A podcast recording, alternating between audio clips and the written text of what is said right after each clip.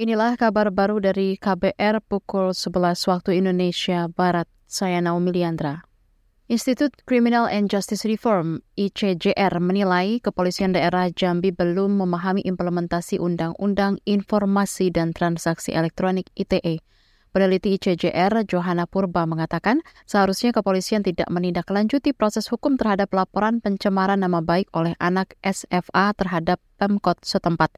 Ia menegaskan SFA sebagai masyarakat sipil berhak untuk mengkritik pemerintah. Dan uh, selain itu juga uh, pasal pencemaran nama baik ini kan uh, titik beratnya itu bukan di perasaan korbannya ya. Ini harus bisa dibuktikan bahwa uh, apakah yang dituduhkan itu kemudian adalah suatu kebenaran. Sementara kan kita juga harus melihat bahwa apa yang disampaikan oleh FFA ini terlepas dari misalnya ada kata-kata yang dianggap keterlaluan begitu oleh pelapor uh, merupakan suatu kritikan ya atau uh, suatu uh, begitu yang dia sendiri dan keluarganya keluarga neneknya begitu sudah alami selama uh, bertahun-tahun. Peneliti ICJR Johanna Purba mendorong Pemkot Jambi dan aparat penegak hukum menjamin perlindungan terhadap anak SFA.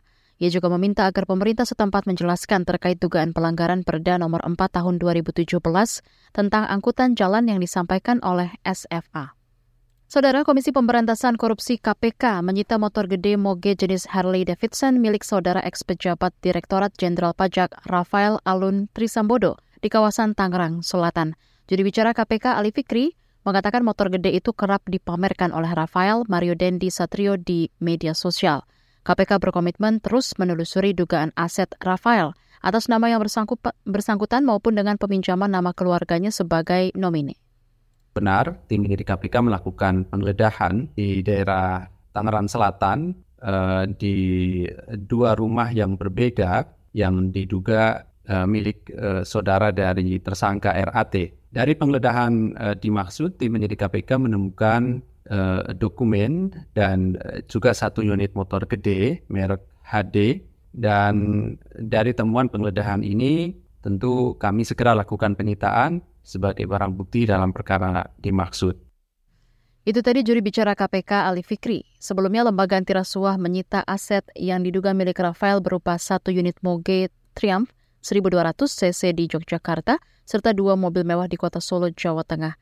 Selain itu, penyidik juga menyita tiga unit rumah milik Rafael, yakni rumah di Simpruk Indekos di Blok M dan kontrakan di Meruya.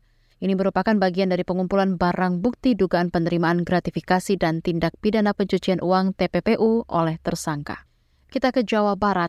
Perbaikan jalan di wilayah itu ditargetkan rampung pada 2024. Pemerintah setempat berencana memulai perbaikan jalan pada akhir 2023. Menurut Gubernur Jawa Barat Ridwan Kamil, perbaikan jalan yang sebelum pandemi COVID-19 dilakukan berkala ini akan dianggarkan alokasi khusus untuk pengaspalan.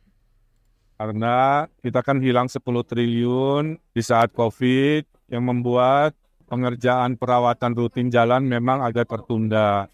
Tapi karena COVID-nya sudah lewat, ekonomi sudah pulih, maka anggaran untuk infrastruktur jalan bisa diselenggarakan lagi secara maksimal Gubernur Jawa Barat Ridwan Kamil melaporkan jalan provinsi yang harus dirawat dan diperbaiki tang tinggal 50 km dan tuntas di 2024. Ia menyebut saat ini tingkat kemantapan jalan di Jawa Barat berada di angka 83 persen. Angka ini diakui lebih baik dibandingkan dengan provinsi lainnya. Saudara demikian kabar baru KBR, saya Naomi Liandra.